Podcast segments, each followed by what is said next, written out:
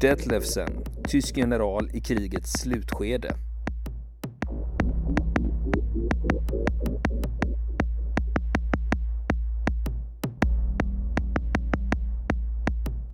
Ja du Niklas, eh, Detlefsen hade du aviserat att vi skulle prata om idag. Ja, jajamän. Det är så här. Det, är, det är inget namn jag har hört. Nej, jag skulle jag faktiskt bli ganska överraskad om du hade hört och jag skulle förvåna mig om en majoritet av våra lyssnare ens känner till honom. Men eh, det ska vi strax ändra på för att det här, det här är en intressant historia. Är det. Och det, det, är nämligen så här, vi kan väl börja, ta sats lite, lite längre tillbaka här, för vi har, ju, vi har fått flera frågor eh, under tiden vi har gjort den här podden om eh, vi skulle kunna göra någonting om andra världskrigets slutskede och en del har velat höra mer om nionde arméns undergång då baserat på en, en bok jag skrev för flera år sedan där om, eh, om slutstriden om Berlin. Och eh, det har bara inte blivit av, kan man säga. För det, det, det, det, kan vara så lite, grann, lite ibland att när man är färdig med ett projekt så vill man bara lämna det. Eh, men nu har jag faktiskt bestämt mig för att ja, men nu ska vi faktiskt göra någonting som har med just de här sista veckorna av andra världskriget och kopplat till de sista striderna på östfronten, eh, bland annat eh, att göra och ehm, eh, även med Hitlers bunker. Och det, okay, för det, det, det, det mm. intresset upphör ju aldrig va? Nej, och då är det så här att det finns ett manus som jag stötte på för ett manuskript som jag stötte på för eh, flera år sedan och som jag inte har gjort någonting med kan man säga. Eh, det är ett manuskript som skrevs strax efter krigsslutet av en tysk general. Eh, han var generalmajor närmare bestämt och hette Erich Detlefsen som under de sista veckorna tjänstgjorde i eh, en av de högsta tyska militära staberna. Ehm, det är ett ganska förbisett manus. Det har oftast inte inte använts i historiska skildringar från den här, den här tiden. Eh, som handlar just om slutstriden om Berlin till exempel och, eh, och Tredje rikets sista dagar och så vidare. Därför att eh, han lyckades vara med på, och det kan man tycka på ett sätt är ganska förvånande, för han lyckades vara med på ganska många intressanta platser. Men Samtidigt så har andra vittnen då i enskilda delar då övertrumfat honom eller sett som intressantare av olika historiker eh, och författare då. Jag, jag, vet att han var intervjuad till exempel av Cornelius Ryan i hans bok, berömda bok om eh, slutstriden eh, som kom ut redan på 1960-talet. Och eh, delar av hans manus har tidigare varit publicerat, bland annat i en tysk vetenskaplig utgåva, men då anonymt. Det har alltså inte framgått, eh, det har bara varit korta snuttar och det har inte framkommit, framgått där vem som var författaren. Eh, och det har sina förklaringar och det ska vi återkomma till i alldeles i slutet av den här serien, för ja, det blir flera avsnitt. Jag vet faktiskt inte riktigt hur många. Det här kommer nog pågå in i nästa år, kan jag lova. I alla fall. Eh, men du, men du mm. det här låter mm. ju som det är någonting exklusivt. För ja, frontens det är, lyssnare. det är exklusivt Eftersom det här, inte, det här är ett mm. tyskt manus. Det har mm. knappt haft någon spridning överhuvudtaget Nej. och nu får frontens lyssnare ta del av mm. det. Just det.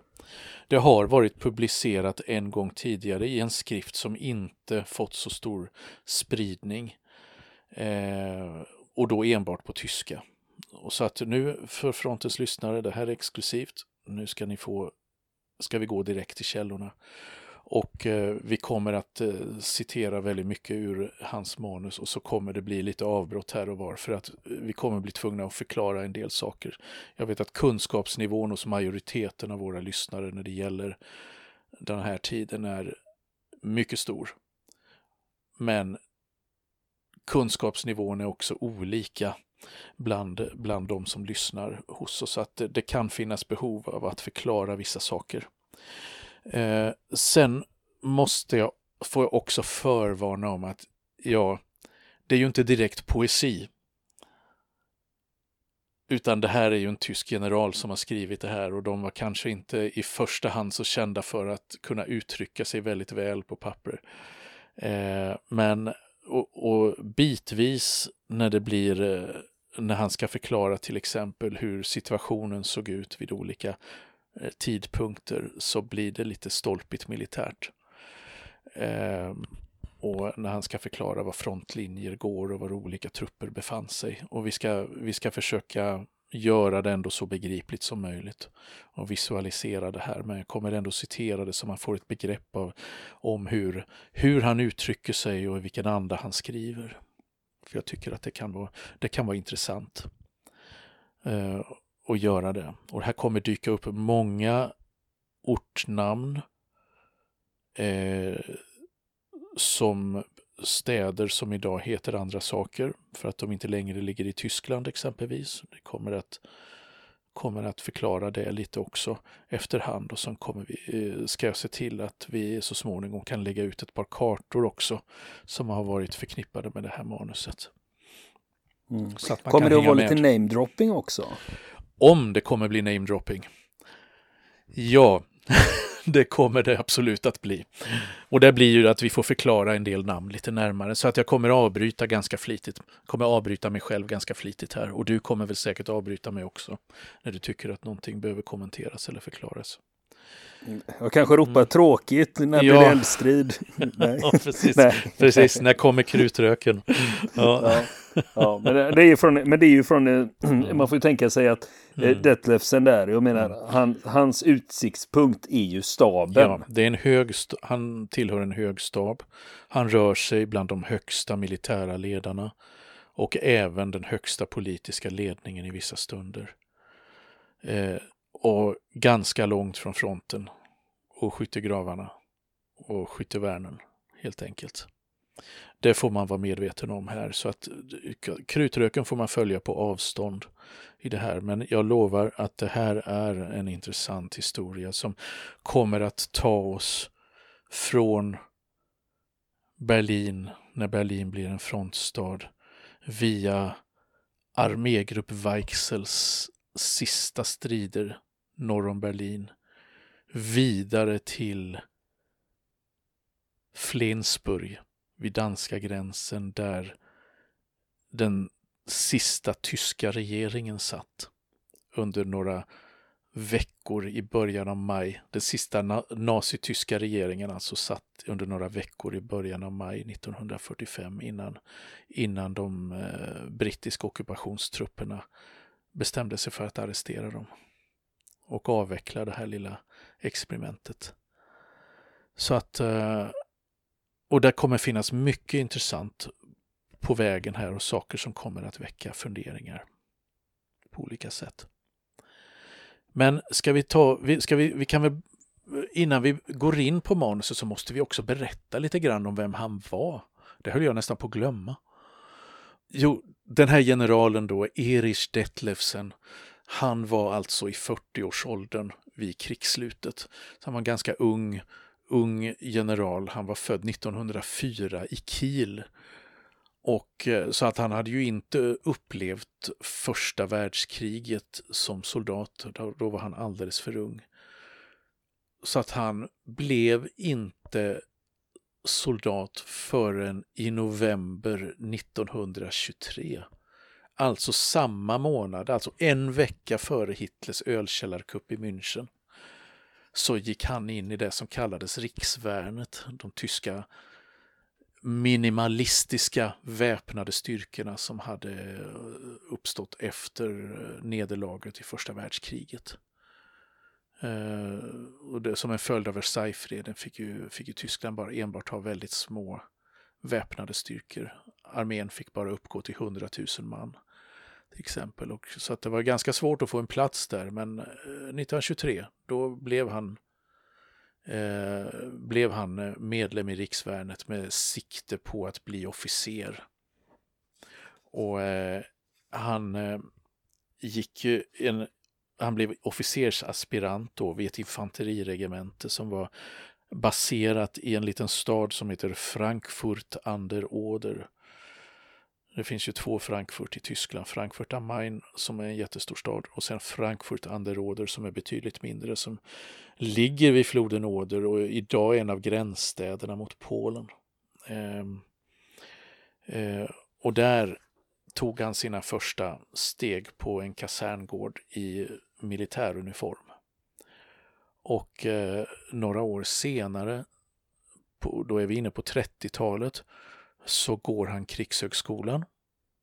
Eh, det är eh, efter att Hitler har kommit till makten och armén börjar byggas ut på allvar. Det börjar bli många fler arbetstillfällen och eh, karriärmöjligheter för militärer. Så då får han gå Krigshögskolan vilket öppnar, öppnar vägen till högre poster i den tyska armén vid den här tiden. Och en av hans första eh, kommenderingar då, det blir till en liten stad i Schlesien. Eh, Schlesien eh, var en del av Tyskland men idag är det en del av södra Polen. Eh, och en stad som heter Glogau, eh, det Peter Glogov idag på polska. Och där blev han stabsofficer hos fäst, en fästningskommendant och garnisonschef. Eh, och eh, sen efter det så hade han under, eh, under eh, andra världskriget i stort sett eh, enbart eh, positioner eller befattningar som stabsofficer. Olika, olika håll, olika nivåer. Eh, I ett infanteriregemente, i en infanteridivision, Senare på östfronten så var han stabsofficer hos fältmarskalk von Manstein. Och senare i en pansarkår på östfronten. Och 1944 så blev han eh, hösten, eller sommaren, sommaren hösten 44 så blev han stabsofficer för en armé närmare bestämt den fjärde armén som kämpade på mellersta avsnittet av östfronten. Och eh, som steg för steg då i, tvingades tillbaka allt närmare tyska gränsen.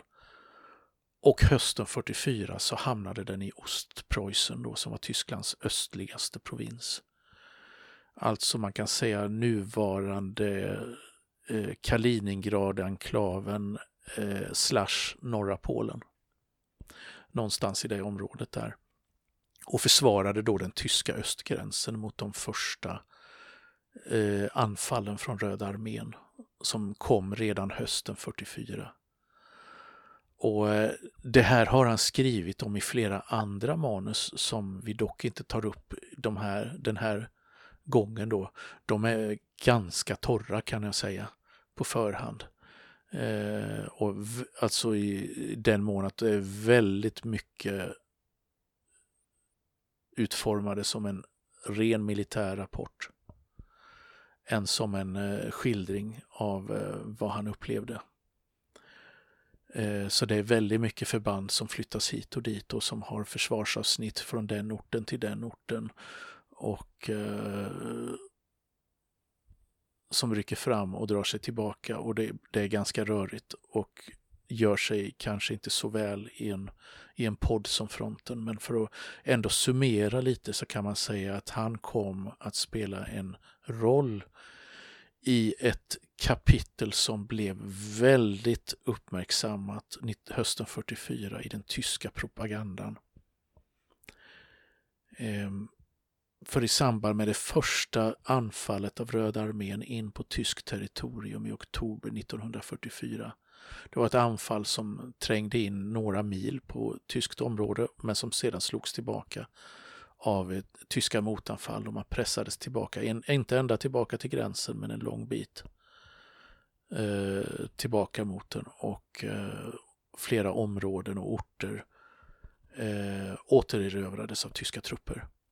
Och bland de orterna som återerövrades fanns en liten by som heter Nemmersdorf.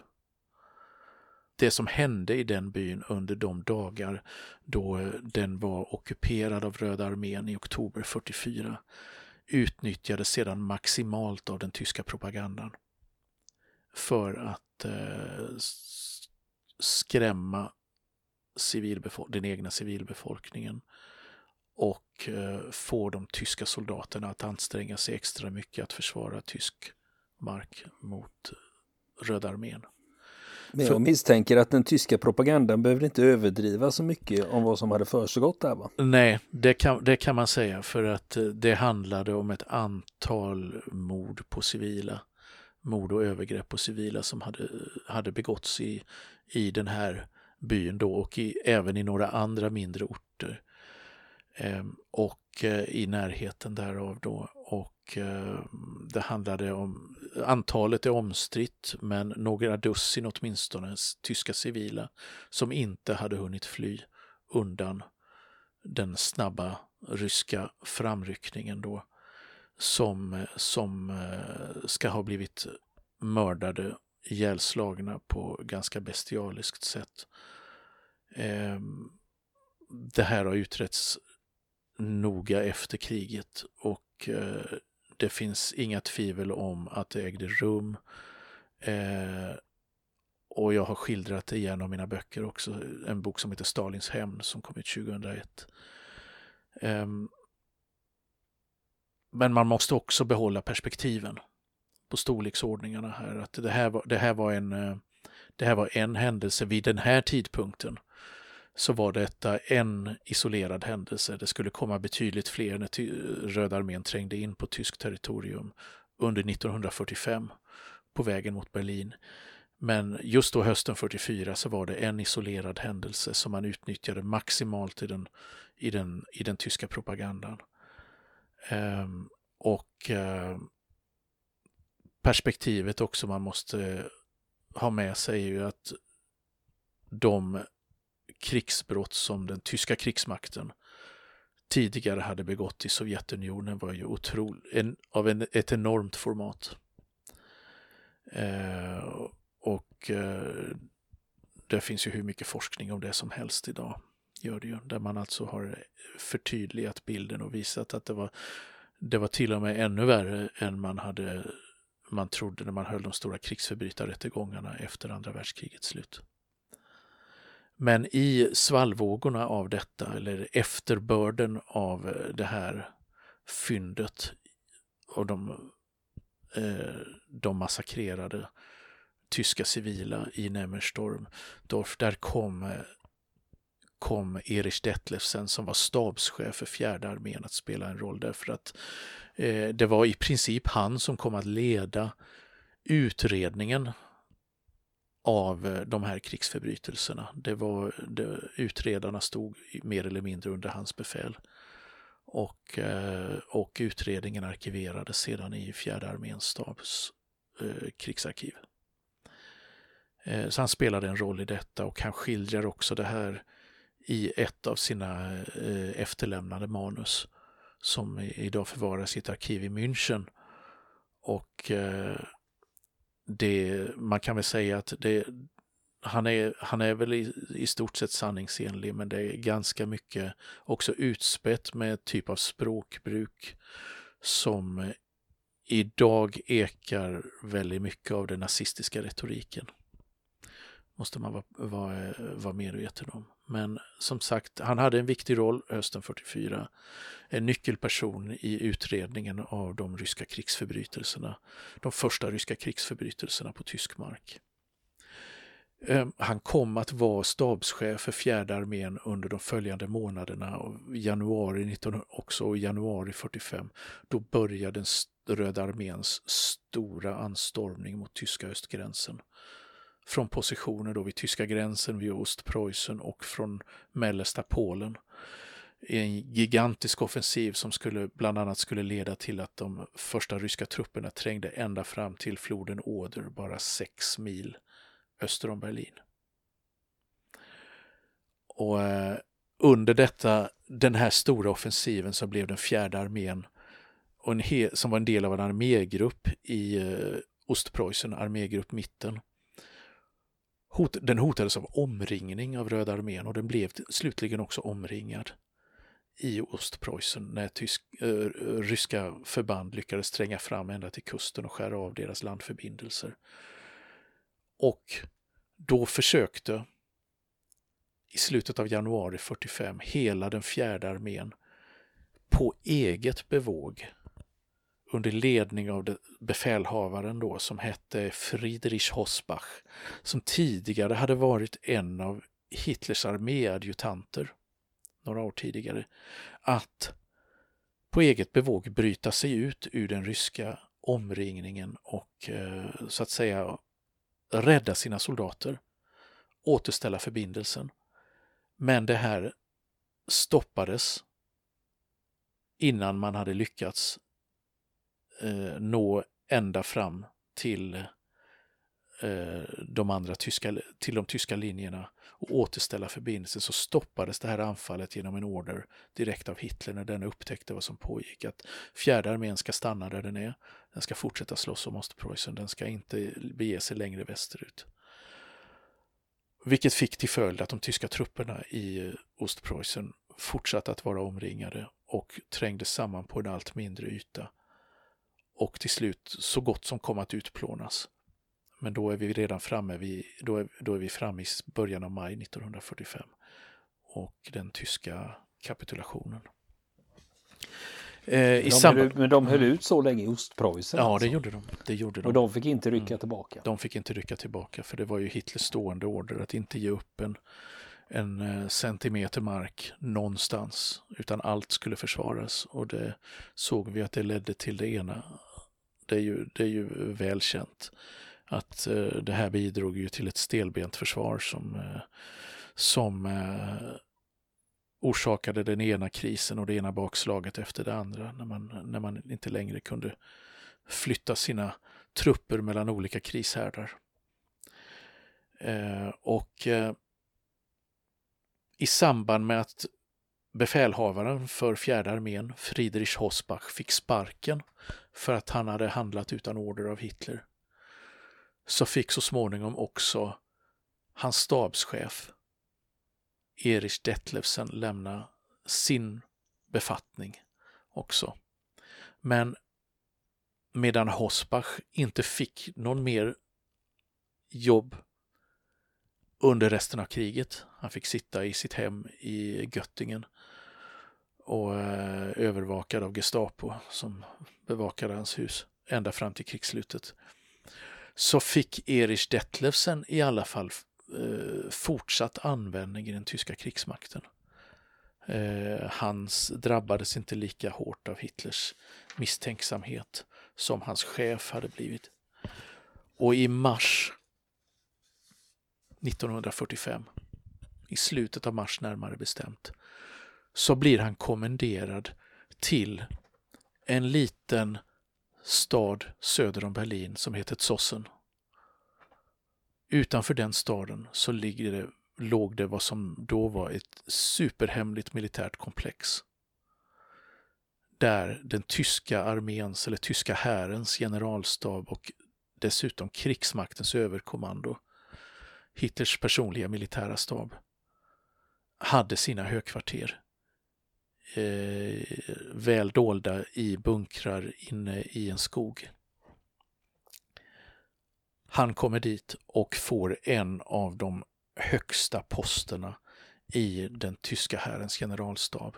Han blir chef för generalstabens ledningsgrupp, heter det. Och i ledningsgruppen där ingick operationsstaben och en del andra avdelningar då som, eh, som eh, eh ansågs som de viktigaste inom, inom generalstaben då för eh, ledningen av kriget. Och det är ungefär där som hans manus börjar. Och han börjar alltså med att förklara hur den tyska östfronten såg ut i mitten av mars 1945. Eh, och eh, jag börjar att läsa där så får vi se om vi hänger med. I mitten av mars 1945 löpte den tyska östfronten från Drava, floden Drava, via Balatonsjön i Ungern, väster om Budapest, sydöst om Märisch Ostrau i Slovakien. Därefter på Altfaterbergens södra sluttning, norr om Sudeterna till Görlitz vid floden Oder och väster om floden Neisse ända till dess mynning i Oder. Härifrån ända till Östersjön försvarade armégrupp Weichsel, kallad så eftersom den några veckor tidigare hade befunnit sig vid just floden Weichsel, den som på polska heter Wisła. Den armégruppen försvarade alltså fronten vid Oder under befäl av generalöverste Heinrichi med nionde armén under general Busse vid en punkt öster om Eberswalde och därefter tredje pansararmén under general von Manteuffel norr därom. Ryssarna hade lyckats skapa brohuvuden på flodens västra strand vid Kystrin och söder om Frankfurt an der Oder. Medan ryssarna i Ungern under den andra halvan av mars pressade tillbaka de tyska förbanden i riktning mot Wien och Steiermark i Österrike fortsatte de för tillfället inte anfallen mot armégrupperna Mitten och Weichsel.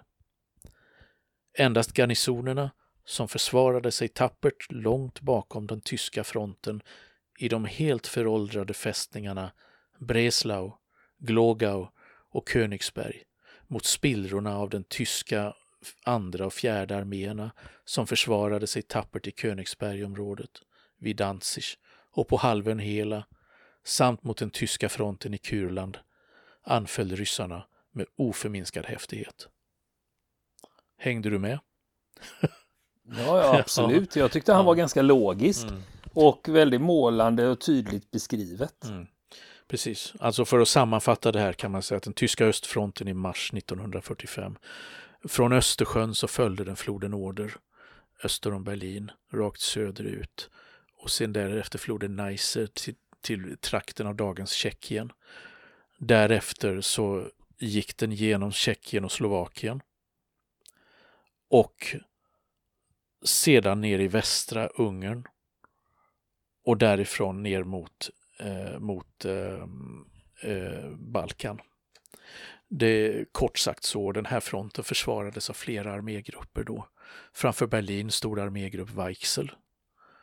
Eh, I Tjeckien och Slovakien stod eh, armégrupp Mitten. Och i Ungern så stod armégrupp Syd. Så det var ungefär det såg ut, så det såg ut och mot de här styrkorna då som var ganska sammansmälta och illa tilltygade Eh, och led av allehanda brister, allt från ammunition och drivmedel till brist på utbildning och brist på tillräckligt med manskap och stridsvagnar och så vidare och så vidare, så stod det då numerärt vida överlägsna sovjetiska trupper. Eh, och eh, som inte var, kan man säga, lika inkompetenta som det vi ser idag i Ukraina, utan som hade lärt sig många blodiga läxor och kunde utkämpa eh, blixtkrig nästan lika bra som tyskarna själva eh, vid den tidpunkten under kriget. Och eh, nu går vi tillbaka till manuset då för att förklara vad som händer sen då. Han skrev så här att vid denna tidpunkt förde jag befälet över en endast bristfälligt utbildad och torftigt beväpnad division bestående av kadetter, polisförband och folkstormsbataljoner vid fronten söder om Frankfurt an der Oder. Divisionens stridsvärde var lågt. Inte heller hos mina granndivisioner såg det bättre ut. Kvällen den 22 mars 1945 fick jag order om att anmäla mig nästa dag hos generalstabschefen för den tyska hären, generalöverste Heinz Guderian, i Härens generalstabs högkvarter i Zossen. När jag kom dit meddelade Guderian mig att han ämnade bege sig på en längre permission för att återhämta sin hälsa och under denna tid skulle general Hans Krebs ersätta honom och jag skulle ta över dennes befattning som chef för ledningsgruppen i Härens generalstab. Denna befattning hade inrättats först i augusti 1944 för att stödja Guderian, som inte på många år hade tjänstgjort i en generalstab, för att ställa en särskilt erfaren generalstabsofficer vid hans sida i form av generallöjtnant Wenck och senare general Krebs. Denna hade befälet över operationsavdelningen, organisationsavdelningen och utbildningsavdelningen i Härens generalstab och han hade alltså haft ett väsentligt inflytande över hur kriget leddes på östfronten. Så var inte längre fallet när jag tog över denna befattning. Och där får vi nog sluta den här gången och så får vi fortsätta i nästa avsnitt och berätta om hur läget såg ut i den tyska arméns generalstab i mars 1945 när Erich Detlefsen kom dit. Mm. Därför det är ju intressant att höra de här historierna just när, när, det, bör, när, det, när det krackelerar sen. Va? Just det. Eh, när Precis. det är liksom, de har inte de har inga bra förutsättningar som det är och det blir ju inte bättre. Va? Nej, precis, precis. Så att eh, håll ut. Nästa vecka kommer det mer. Vill ni komma i kontakt med oss så kan ni göra det via vår Facebook-sida som heter Fronten. Det är inga problem för er att leta er fram där. Eller också så mejlar ni på vår mejladress och det är frontenpodcast@gmail.com.